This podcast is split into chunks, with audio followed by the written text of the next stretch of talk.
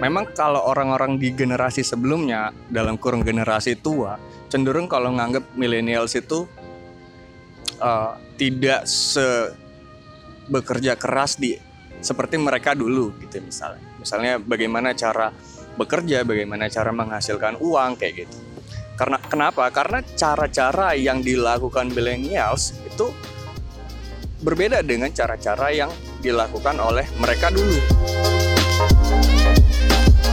Selamat datang di Yang Pop hari ini, kanal siniar yang membahas segala hal populer. Dibahas dengan gimana? Kasual apa serius? Santai aja sih. Ini gue opening dulu nih. Gue opening dulu. Gak apa-apa deh, gini aja lu, lu harus serius-serius udah gini aja gue gangguin makan rojak. Eh, gue ulang. Selamat datang di Yang Pop hari ini, kanal siniar yang membahas segala hal populer. Dibahas dengan menarik dan insya Allah informatif. Bersama gue Pak John dan Dan gue anak Tangerang, Levi. Aduh, ya kena apa-apa deh. Ye, akhirnya di episode kali ini gua ada temen eh Oke, bisa kenalin dulu nih siapa nih Levi sebenarnya nih? Gue Levi, umur 25. Sekarang lagi di Jogja, kuliah. Asalnya Tangerang. Sekarang lagi di sebuah tempat yang apa John istilahnya? Yang nyaman banget lah buat ngobrol-ngobrol ya. Jadi kita lagi di lembah nih. Lembah tuh sejenis tempat orang lari- lari-lari lah di, di sekitaran UGM ya di Jogja. Eh, sekarang tanggal 1 April. Jadi sebenarnya episode kali ini eh, pengen gua upload kemarin cuman karena ada satu dan lain hal ah, baru gue bisa upload sekarang mungkin bakal naik minggu depan gitu ya. Eh, kali ini gue mau ngebahas yang sempet rame belakangan ini soal PUBG, Player Unknown Battleground. Jadi gue bahas PUBG itu apa sih? Jadi awalnya PUBG ini adalah game battle royale battle royale yang diciptakan oleh Brandon Green. Dia Brandon Green Brandon Green ini awalnya adalah eh pencipta mods dari ini, Bos, apa eh Arma 3. Nah, jadi dia tuh karena Arma 3 ini kan game militer gitu kan, eh, real real eh, kayak tapi lebih yang real simulationnya, Simulator gitu.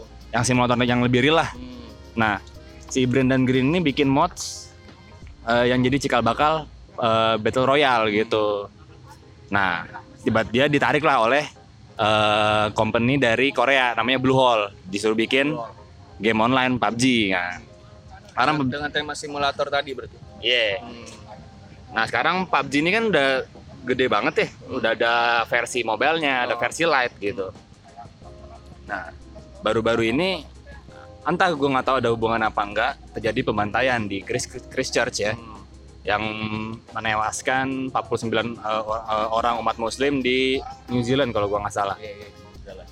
Di media-media di Indonesia itu menuliskan kalau uh, pelakunya memakai senjata yang mirip dengan senjata yang ada di PUBG gitu. Nah, dan tiba-tiba eh, MUI Majelis Ulama Indonesia itu menerbitkan wacana untuk mengharamkan PUBG. Jadi PUBG ini kan udah ramai banget ya. MUI Jabar, Jabar. MUI Jabar ya, Ya. MUI Jabar. Nah, MUI Jabar. nah karena udah diwacanakan haram, muncullah eh, banyak inilah komentar-komentar dari berbagai orang, berbagai kalangan gitu kan yang menolak, ada yang mendukung. Oke. Cuma kebanyakan sih kalau dari player sendiri yang menolak ya bos ya. Oke. Nah, baru-baru kemarin, jadi MUI ini setelah mereka berkumpul dengan eh, ahli-ahli gitu kan, Kominfo ya. Nah, Kominfo mengumpulkan beberapa eh, atlet juga sama peneliti-peneliti, jadi dikumpulkan mereka rembuk. Akhirnya eh, MUI ini memutuskan untuk tidak mengharamkan PUBG. Hmm. Mereka bilang eh, mereka ingin eh, melihat sisi baiknya lah dibandingkan sisi buruknya dari PUBG gini. Jadi kan eh kalau dari sudut pandang lu gimana bos? Apa yang lu lihat dari eh, ceritanya ini misalnya? Bertanya gitu. Eh, Kalau menurut gue sih PUBG cuma sekedar genre aja ya. Kalau kalau lo ngomongin masalah game tembak menembak gitu FPS gitu sebelumnya lu bisa nemuin di di, di era-era tahun berapa ya 2007 2008 gitu udah ada namanya PB bahkan sekarang masih ada juga PB itu sama aja menurut gue lo lo bahkan kalau lo ngomongin kayak gitu game-game kayak apa tuh namanya sebelum PB Uh, ini CS. CS gitu kan main main LAN juga udah. Ya temanya kurang lebih mirip gitu loh. Cuma yang dulunya dimainin di ruang-ruang tertutup gitu misalnya lo harus ke warnet gitu kan. Lo harus ngeluarin biaya warnet mungkin juga lo nggak kelihatan bokap nyokap lo gitu misalnya kan nah sekarang lo main di tempat-tempat yang cenderung terbuka mungkin. Jadi gampang dilihat sama orang-orang yang yang menurut gua butuh penelusuran lebih lanjut nih. Sebenarnya lu main game itu ngapain sih? Kayak gitu. Kalau dulu misalkan lu tertutup nih di dalam game center apa di, lu main di dalam apa namanya kamar gitu misalnya. Ngelan apa lu main sama teman-teman lu. Kan bokap nyokap lu nggak tahu guru-guru lu nggak tahu. Cuma sejak uh, game mobile ini mulai marak juga karena apa ya uh, handphone juga harga handphone juga udah mulai turun terus juga pulsa paket juga udah mulai nggak semahal dulu mungkin. Nah orang jadi kayak lebih gampang mengakses uh, main ini di di di tempat-tempat yang gampang dilihat sama uh, orang-orang yang menurut gua awam ya karena kalau lu mau mengetahui sesuatu lu menurut gua lu perlu apa istilahnya penelusuran lebih lanjut lah nih orang ngapain apa aja sih yang dia gunain sebenarnya ini negatif atau enggak atau dia ada sisi positifnya. Jadi maksud gue lu nggak cuma bisa berasumsi berdasarkan oh negatif nih kenapa? Karena dia ngumpul-ngumpul atau ribut atau lu jadi nggak belajar kayak gitu. Menurut gue sih kayak gitu Oke, tapi eh, sebenarnya pelarangan PUBG ini kan atau kita bisa ngomong haram ini pelarangan lah gitu kan. Ini kan sebenarnya bukan hal yang baru gitu. Eh, karena di berbagai belahan dunia eh, produk-produk budaya populer itu juga sering dilarang-larang lah gitu kan. Musik misalnya musik-musik punk atau musik-musik heavy metal yang ketika itu di Amerika identik dengan misalnya eh, pemujaan setan atau seperti apa itu. Nah, menurut lu kenapa? Kenapa banyak produk-produk budaya yang di apa ya dilarang lah oleh misalnya pihak-pihak yang eh, seperti pemerintah atau negara gitu. Ya, kalau dari menurut gue ya dari kalau dilihat dari sudut pandang kajian media biasanya memang kalau teknologi baru itu muncul gitu loh misalnya misalnya kayak radio atau televisi atau media massa kalau yang sekarang ini misalnya teknologi eh, media interaktif itu biasanya bakal menciptakan satu gap antara generasi yang lebih tua dengan generasi yang lebih muda makanya sekarang tuh ada namanya em, konsep sebuah konsep yang namanya working with millennials gitu. Jadi bukan millennials working with baby boomers atau generasi Y atau generasi X atau generasi XXX misalnya gitu. Tapi eh, bagaimana generasi-generasi yang sebelumnya itu bisa apa ya? Bukan menyongsong, men- me- merespon terhadap perubahan-perubahan yang terjadi di istilah bahasa umumnya ini revolusi industri generasi keempat di mana eh, digital media, media interaktif ini jadi bakalan sesuatu yang kita songsong di masa depan. Makanya konsep working with millennials ini eh, jadi satu yang bakalan terus di apa ya dibahas banyak orang ya. Kembali ke omongan gue yang tadi, uh, di di konsep working with the millennials ini memang kalau orang-orang di generasi sebelumnya dalam kurung generasi tua cenderung kalau nganggap millennials itu uh, tidak se bekerja keras di seperti mereka dulu gitu misalnya. Misalnya bagaimana cara bekerja bagaimana cara menghasilkan uang kayak gitu karena kenapa? Karena cara-cara yang dilakukan millennials itu berbeda dengan cara-cara yang dilakukan oleh mereka dulu kayak gitu misalnya. Kalau misalnya sekarang gue pernah pernah dengar satu kasus kalau misalnya ada orang yang bekerja di di, di dalam ruangan gitu, maksud gue bekerja dengan internet tapi nggak banyak orang di lingkungannya yang tahu gitu misalnya. Ini berkaitan dengan pekerjaan gitu misalnya. Terus tiba-tiba dia punya mobil terus tiba-tiba dia punya uh, bangun rumah gitu misalnya. Ini ini di daerah yang kalau dibilang cukup cukup di di desa-desa gitulah. Terus beredar gosip di kampungnya kalau dia melihara tuyul. Kenapa? Karena tampilan sehari-harinya misalnya dia cuma di di rumah atau ke warung gitu misalnya atau beli rokok. ya gue nggak tahu deh mungkin gundul terus pakai pakai kolor doang tapi di di kepala pakai kolornya. Nah pikir gue nah setelah ditelusuri lebih lanjut ternyata dia misalnya dia dia dia uh, kerja online. Misalnya dia jualan koin gold uh, game online. Atau dia misalnya ikutan forex trading. Atau misalnya dia ya kayak gitu gitu bekerja yang yang yang menurut gue agak konsepnya agak berbeda dengan bekerja seperti yang ditampilkan pada umum ya misalnya lo berangkat pagi pulang sore pakaian rapi kayak gitu-gitu. Nah ini yang menjadi apa istilahnya di, di dalam konsep working with millennials menjadi gap gitu loh karena dua-duanya benar sebetulnya. Cuma kan millennials kan nggak pernah gua gua nggak tahu nih millennials gue tepat atau nggak nyebut tapi menurut gua millennials ini yang gue sebut millennials generasi-generasi yang baru ini itu menyongsong era yang yang mereka hadapi saat ini gitu loh, bukan era yang dihadapi oleh orang-orang tuanya atau era-era era-era di orang sebelumnya kayak gitu. Jadi tantangan yang dihadapi beda gitu loh. Jadi, nah kalau gue bilang, menurut gue uh, orang-orang tua ya, ya mohon maaf mungkin orang-orang yang memegang uh, kuasa atas uh, kebijakan dan regulasi di pemerintah ini, gue rasa perlu me, me, apa ya istilahnya memahami lebih dalam lah kira-kira apa aja sih yang dilakukan sama anak-anak muda saat ini gitu loh. Mas gua apa pun bisa dilihat dari dua perspektif misalkan.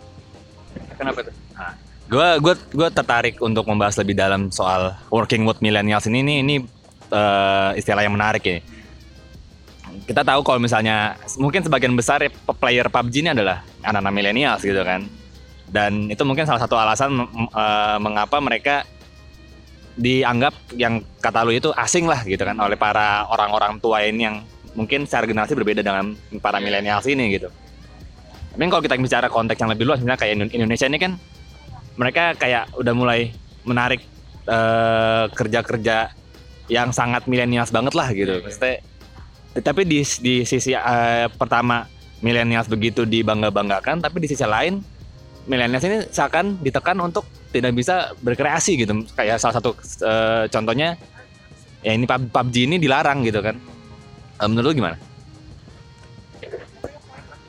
Ya sebenarnya yang, yang gue tahu ya nggak semua nggak semua daerah di Indonesia itu punya fokus untuk ngelarang eh mengharamkan PUBG gitu. Yang gue tahu itu kemarin baru di daerah Jawa Barat kan karena sebelumnya mereka mengharamkan lagu-lagu dengan lirik-lirik yang apa ya tidak senonoh ya istilahnya. Terus Bruno Mars vulgar, vulgar kayak gitu gitu kan. Terus kemudian kas, karena kasus ini uh, viral gitu loh ramai dibincangkan di media sosial kemudian uh, kedengaran sampai kominfo gitu. Kira-kira ini bakal diterapin secara nasional atau enggak kebijakan ini?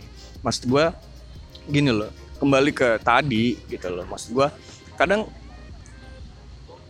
lu perlu memahami lebih jauh nih kira-kira dari dari tampilan-tampilan anak muda yang nongkrong-nongkrong cuma buat main game kayaknya lu nggak ada manfaat gitu. Sebenarnya itu ada nggak sih manfaatnya? Yang yang gue pengen tuh nggak cuma apa ya, lu bikin satu aturan yang terus memutus uh, rantai PUBG ini gitu loh maksud gue. Nah kalau misalnya nih kalau misalnya orang bisa menyediakan waktu kurang lebih 6 jam untuk bermain PUBG. Nah, kalau lu putus itu gitu loh. Nah, kira-kira lu bisa ngasih solusi lainnya nggak gitu? Apa lu punya jaminan kalau misalnya lu memutus uh, waktu orang bermain PUBG uh, lu jadiin haram gitu misalnya. Ini orang mau ke mana? Lu punya solusi yang lebih baik nggak misalnya? Lu lu lu ganti dengan pesantren kilat kah atau jadi eh, perda uh, yang mengharuskan lu harus ekskul kah atau maksud gue ini sub substitusi dari kalau lu mengharamkan PUBG terus waktu yang kosong ini gimana gitu loh sedangkan gitu misalnya ada orang yang menganggap kalau dia punya waktu kosong misalnya 6 jam atau 8 jam sehari untuk bermain PUBG. Nah, terus waktu waktu ini tuh mau dikemanain kayak gitu loh. Mas gua. Nah, terus alasan kedua gitu misalnya. Uh, haram atau enggak kan berkaitan sama iman. Iya nggak Jon? Kalau lu nggak beriman, ya lu cuek aja mau haram atau enggak gitu. Misalnya konsep haram juga misalnya. Uh, kalau yang dikeluarkan sama MUI, lu tahu negara Indonesia ini plural lah gitu misalnya kan ya kalau misalnya agama agama lain selain Indonesia ya ya mungkin ya nggak terlalu berpengaruh buat mereka gitu loh menurut gue kayak gitu loh. Jadi maksud gue daripada lu bikin ngeblok ngeblok sesuatu gitu loh ada baiknya lu melakukan kajian dulu deh ngobrol dulu nih sama pemain sama elemen-elemen yang terlibat di di di di mana ya? Di di di are, bukan arena apa istilahnya? Di lingkup itulah. Ya. nah, misalnya lu ngobrol sama pemain mungkin juga lu sama atlet e-sportnya atau juga sama spons bukan sponsornya industrinya lah istilah kayak gitu. Gimana sih baiknya? Kalau misalnya lu punya solusi nggak selain ngeblok ini kira-kira waktunya nih di dialihkan buat apa sesuatu yang lebih bermanfaat kayak gitu misalnya. Mas gua atau wacana ini cuma sekedar apa ya supaya heboh aja gitu loh. Tapi sebenarnya mereka nggak benar-benar pengen ngeharamkan gitu misalnya. Ya gue belum tahu tuh butuh kajian lebih jauh lagi. Itu gue sepakat sih. Kayak sebenarnya mas hal-hal kayak gini kan awal-awal kan udah juga udah sering. Kayak misalnya yang soal uh, KNTL RU apa itu kan RU permusikan itu kan juga masih jadi wacana gitu. Tapi karena masih jadi wacana dan sudah disebar ke publik jadinya publik juga rame. Sama kayak uh, kasus PUBG ini gitu itu juga masih wacana kan. Wacana mengharamkan PUBG meskipun pada akhirnya tidak diharamkan gitu tapi kan sama jadi publik ini seakan jadi rame gitu. Misalnya jadi bikin riuh lah gitu. Dan nggak tahu ya mungkin itu taktik dari ini kali ya dari pemerintah gitu untuk tes tes the water gitu kan. Ngetes dulu ani gimana nih? Uh, sikap sikap uh, warga Indonesia gitu kan. Mereka suka atau enggak gitu kan. Tapi gue menarik soal kita sebut MU ini misalnya orang tua lah gitu kan. Mereka yang nggak terlalu paham dengan PUBG atau uh, apa yang milenial lakukan sekarang gitu kan. Apakah dengan kehadiran teknologi itu misalnya mereka merasa tersaingi atau mereka merasa uh, apa namanya uh, dominasinya lah merasa sebagai seorang yang memegang kuasa ini menjadi berkurang gitu. Itu gimana Wah susah juga jawabnya kalau gitu. Enggak mungkin mungkin ya kembali ke omongan gue tadi kalau lu pengen kayak gini gue gue gue pakai contoh kasus dulu deh. Karena uh, ini contoh kasus saya kenapa gue gue bisa bilang kayak gitu. Sekarang kan kalau misalnya kita melihat contoh kayak misalnya keluarga muda gitu kan, keluarga baru, suami sama istri gitu, baru punya uh, baru punya anak satu gitu, anaknya masih kecil.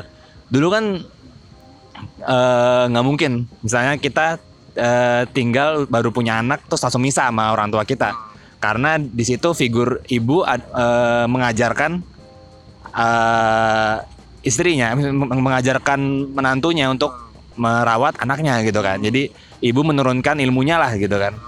Tapi kan sekarang kan hal tersebut bisa ibaratnya ada alternatif lain lah selain hal uh, selain aktivitas tersebut. Misalnya melalui uh, grup di Instagram atau ada dokter-dokter atau ahli-ahli anak yang sering bikin story di Instagram caranya gimana sih cara merawat anak? Dan dengan sendirinya kan mungkin beberapa ibu-ibu muda ini sudah tidak berpikir ah kayaknya udah nggak perlu tinggal sama menant sama mertua lagi deh. Karena kita sudah bisa merawat rawat anak kita sendiri gitu kan. Nah itu kan apakah bisa terjadi di dalam aspek-aspek yang lain gitu. Oke. Okay. ini mungkin kaitannya sama ini ya apa peran peran bapak nggak sih di di dalam iya. sebuah keluarga ya kayak kayak lo tahu mungkin Indonesia dibangun dari Pancasila kan. Kalau sila pertamanya itu ketuhanan yang maha esa. Terus juga turunan pasal-pasalnya itu kurang lebih istilahnya apa ya mengutip nilai-nilai ke keagamaan kayak gitu kan. Ya mungkin waktu itu Soekarno dan teman-teman itu merumuskan uh, ya mungkin Pancasila atau juga ya pokoknya pasal-pasal gitu. Misalnya gue gue nggak ngerti deh urusan kayak gitu. Iya, iya. Itu karena yang gue tahu Soekarno itu Muslim seorang Muslim. Yep. ya nilai-nilai yang di, di, di- di- yang digunakan untuk membangun mungkin uh, pasal regulasi value uh, nilai-nilai kehidupan Indonesia dibangun dari nilai-nilai keislaman. Kayak gitu. Salah satunya yang mungkin adalah budaya uh, patriarki enggak sih? Iya enggak sih? Patriarki bisa. ya mungkin ya. Ya walaupun Tapi nggak terlalu. itu kan eh, pihak perempuan malah lebih progresif dibanding era Orde Baru. Iya, tapi kalau misalnya kita lihat ke ke ke ke ke, ke Islamnya gitu, ke oh iya. ya mungkin posisi laki-laki eh, ya gue nggak tahu ini benar atau enggak dianggap lebih tinggi dibandingkan perempuan gitu.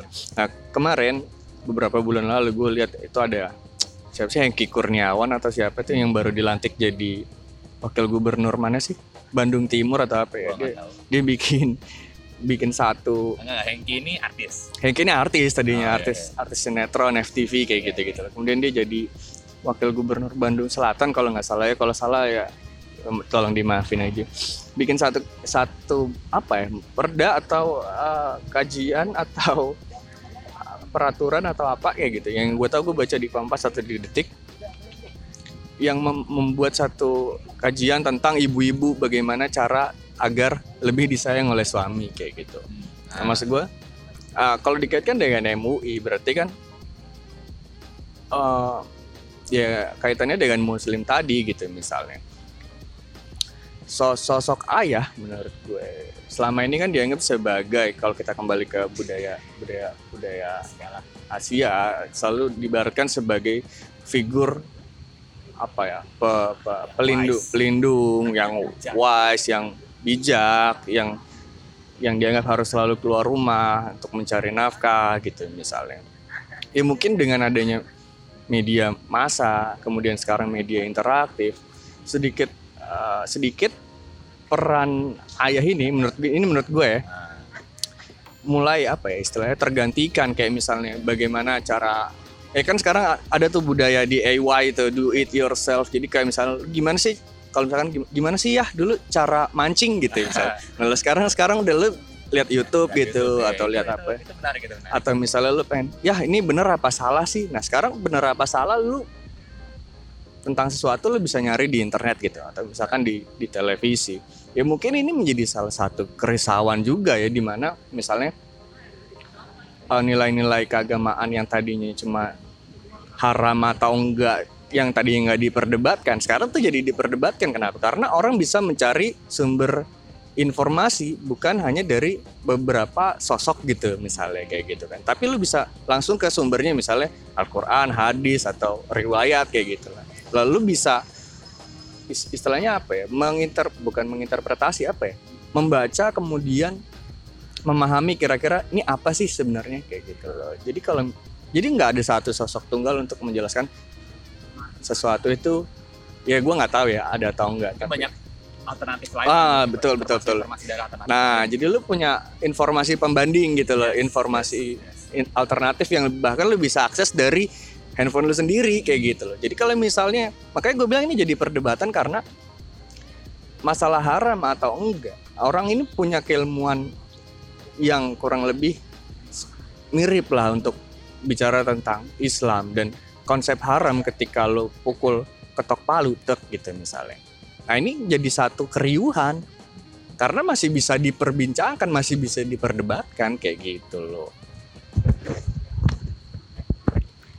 Jadi apakah bapak-bapak sekarang itu insecure dengan kehadiran teknologi gitu? Jadi akhirnya eh apa namanya otoritas mereka itu sudah disaingi lah. Power gitu. Ah, jadi ada kekosongan kekuasaan itu. Ini ini menarik ini. Ya kalau ngomong sampai situ gue rasa kita nuduh, ya kan? Kita cuma ber- berasumsi aja iya, lah iya. kayak gitu bahwa kalau nggak kayak gue rasa untuk lo memutuskan satu kita mewacanakan sesuatu lah. mewacanakan mem- membuat sesuatu baik buruk atau haram atau tidak lu butuh butuh ya lu butuh diskusi dengan banyak banyak elemen yang banyak orang-orang yang terlibat lah sebelum ini haram nih ini enggak nih gitu atau misalnya jangan-jangan gini wacana wacananya adalah PUBG nih jangan nggak bayar pajak.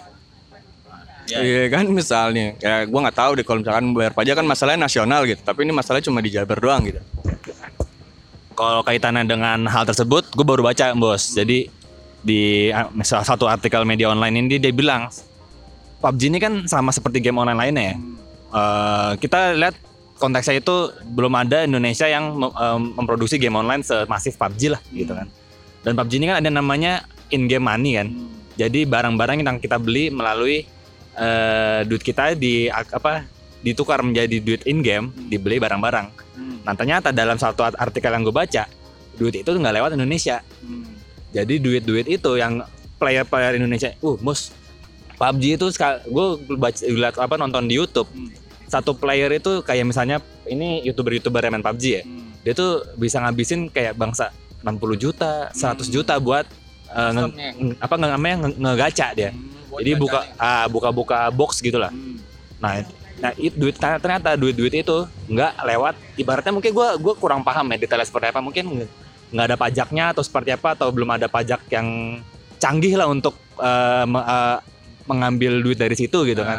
Karena duit-duit itu ternyata langsung ke luar negeri gitu jadi eh, di artikel itu bilang kalau neraca perdagangan Indonesia ber- dengan adanya game-game online ini bisa timpang gitu Nah ini ini menarik sih apa? Mungkin eh pada akhirnya ini lu teman lu John, coba lu panggil teman lu siapa ada yang tahu gitu, teman gue siapa? yang tahu masalah pajak gitu lo. Oh ya ya ya ya bisa bisa bisa. Nanti lah kita kita ngomong di next episode lah. Kalau lu tahu gitu ajak aja. Iya. Nah eh, kita bicara misalnya topik yang lain masih soal, masih soal PUBG nih. Hal-hal yang MUI lakukan ini kan secara nggak langsung kan mem- memperlihatkan kalau masih ada stereotip soal bagaimana kita melihat gamers gitu kan. Gamers kita lihat sebagai eh, orang yang tidak misalnya ngapain sih melakukan hal-hal yang nggak penting, main main game, Eh, terus bisa berpotensi melakukan tindakan kekerasan gitu kan dengan bermain game. Eh, tapi sebenarnya kalau misalnya kita lihat, kita balik gitu, apa potensi gamers ini? Apa keuntungan yang bisa gamer dapatkan ketika dia bermain game? susah juga Jon. pertanyaan lu susah susah John sebenarnya gini kalau lu ngeliat satu hal tuh seharusnya lu Awalnya kan mau bercanda ya, ya serius nah ya ya, nggak apa-apa nggak apa jadi lu lu ngeliat satu hal tuh selalu ada dua perspektif yang baik dan yang buruk gitu. Kalau lu misalkan lihat yang buruknya aja ya lu pasti dapatnya yang buruk. Kalau ngeliat lu yang baik eh, ada juga yang baik gitu. Misalnya kalau dilihat dari manfaatnya mungkin buat buat pemain-pemain muda nih gitu misalnya. Dia, dia bisa jadi lebih dia, dia, dia bahasa pengantarnya Indonesia apa? Inggris sih PUBG? Inggris. Nah, jadi lu bisa belajar bahasa Inggris lah sedikit banyak kan dari ini apaan sih ini apaan sih ini apaan sih. Kalaupun lu nggak buka kamus apa uh, googling, lu bisa tanya teman lu artinya apa. Walaupun salah-salah, tapi seenggaknya lu ngerti lah. Oh ini uh, kata ini nih, kalimat ini nih ada di sekitaran konsepnya tuh ada di sekitaran ini.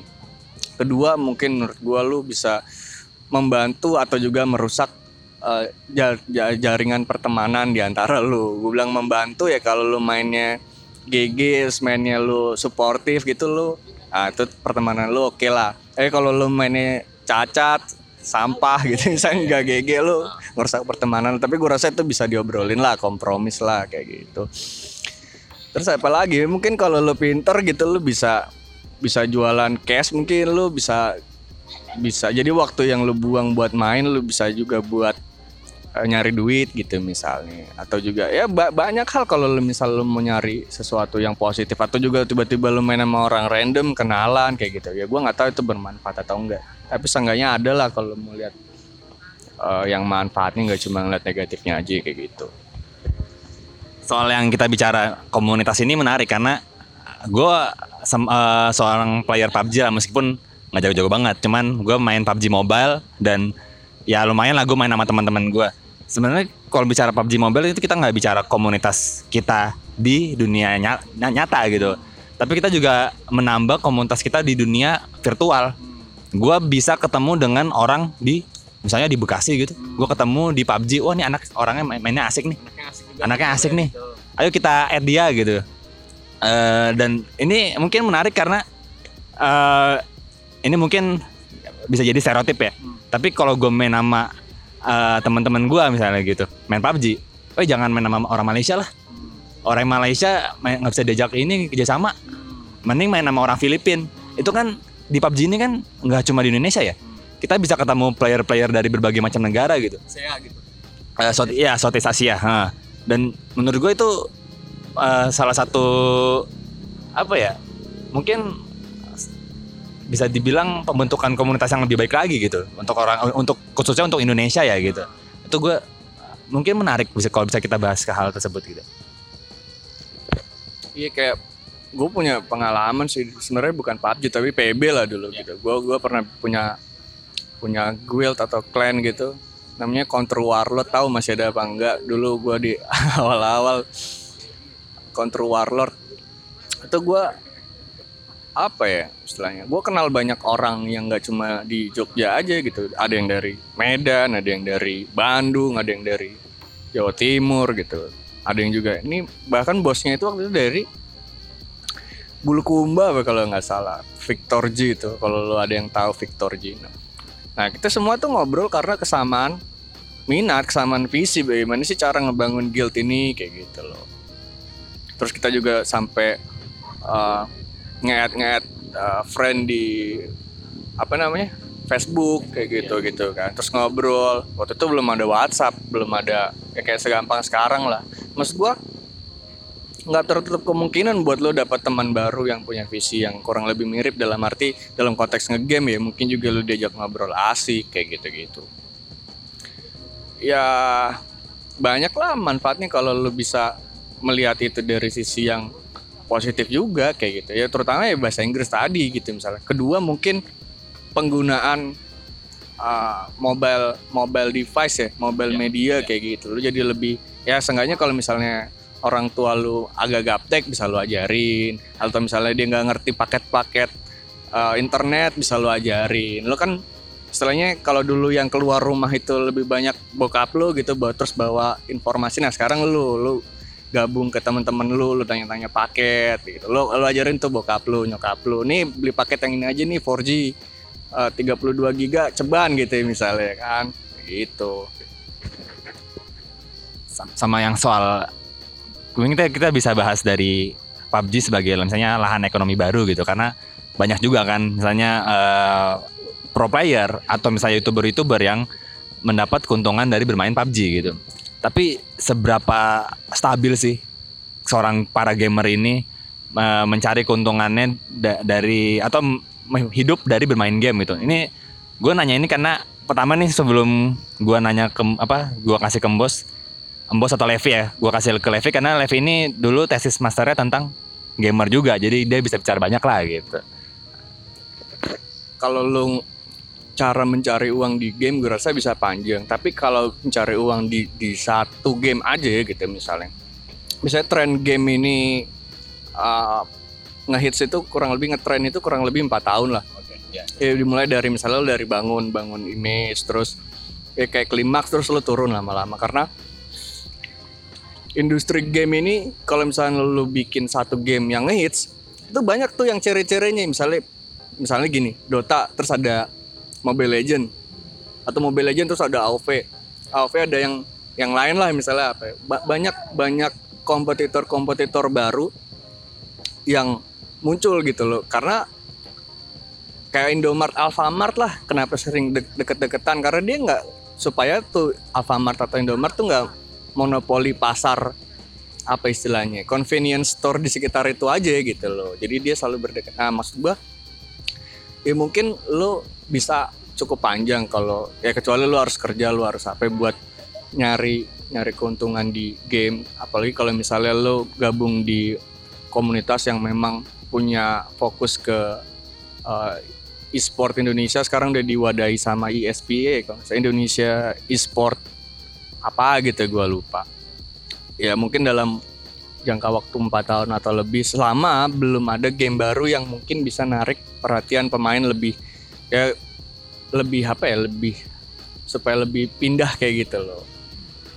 Ya pastilah tiap empat tahun lima tahun ada game baru ya karena biasanya kan jangka waktu pertama mungkin gamenya udah udah ex- expire dalam arti udah ngebosenin gitu kan. Terus kedua ada game-game baru. Ketiga ya juga mungkin dia udah waktunya tutup gitu loh. Karena mungkin dia udah profitnya udah cukup atau dia ngembangkan project project game baru kayak gitu. Ya paling gitu sih John Oke ya nggak terasa ini udah sampai di segmen akhir dari episode podcast yang ngepop hari ini. Tadi kita udah ngebahas PUBG, PUBG itu apa sih dan kenapa PUBG di sempat ada wacana diharamkan di Indonesia gitu. Ternyata kalau kita bahas-bahas ini sebenarnya ada kayak apa ya dibilangnya? ya? Mungkin ada gap ya yang tadi di apa Levi bilang ini ada gap antara yang tua dengan yang muda soal bagaimana kita mempersepsi game PUBG ini khususnya gitu. game dan game lainnya Dan game lain yang nggak cuma PUBG tapi game lainnya juga gitu. Terus sebenarnya kalau misalnya kita mau lihat dan ini sebenarnya gue bilang sebuah perkembangan yang baik ya dari sisi MUI karena MUI di artikelnya dia bilang dia apa berkoordinasi dengan pihak-pihak lain dan akhirnya mereka tidak mengharamkan PUBG karena mereka meli- lebih melihat sisi baiknya lah karena emang hari apa sekarang nih Indonesia lagi thrive ya soal bagaimana mereka aktif di cabang-cabang e-sport ya mulai dari Dota 2, PUBG atau yang lain-lain gitu kan. Jadi ini mungkin merupakan hal baik lah bagi pemerintahan Indonesia gitu. Dan ya mungkin segitu aja deh. Jadi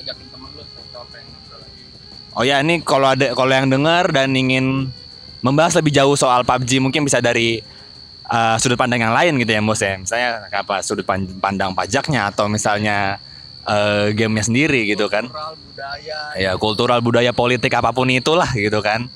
Dan ya lu bisa sama ke kalau mau ngirim kritik dan saran bisa langsung aja mention atau DM IG IG IG gue itu uh, at dosis harian dan Twitter gue adalah xpajonx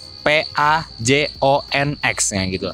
Sama kalau mau lebih private bisa kirim email ke uh, xpajonx at yahoo.com. yang mau ngobrol-ngobrol juga Yang, yang mau ngobrol-ngobrol juga bisa hubungin gue ya. Oke oke oke. Ada closing bos mungkin kata-kata terakhir. jadi yang kita obrolin gua sama Pak Jon ngobrolin ini kayak cuma dugaan-dugaan aja Jon ya. Bukan tuduhan-tuduhan ya. Kita kan sebagai anak muda. inilah. Kita memantik wacana lah. ya kita beropini lah sebagai generasi yang bermain game mobile kayak gitu kan. Ini sebenarnya ada apa sih ini wacana? Bukan karena kita nggak baca tapi karena kita mempertanyakan wacana-wacana yang muncul kayak gitu. Jadi kayak kayak misalnya kenapa sih ini nih? Obrolan ini perlu ada karena kita kekurangan informasi gitu. Sebenarnya apa sih yang terjadi gitu loh? Jadi bukan pengen nuduh bukan juga pengen ya nuduh lah istilah kayak gitu ya jadi ya mohon dimaafin kalau ada salah-salah kata gitu John ya oke gua rasa sih teman-teman lu juga ketawa-ketawa aja nih nanti Oke kalau gitu gua Pak John. gua Levi anak Tangerang Sampai jumpa di episode berikutnya. Bye bye.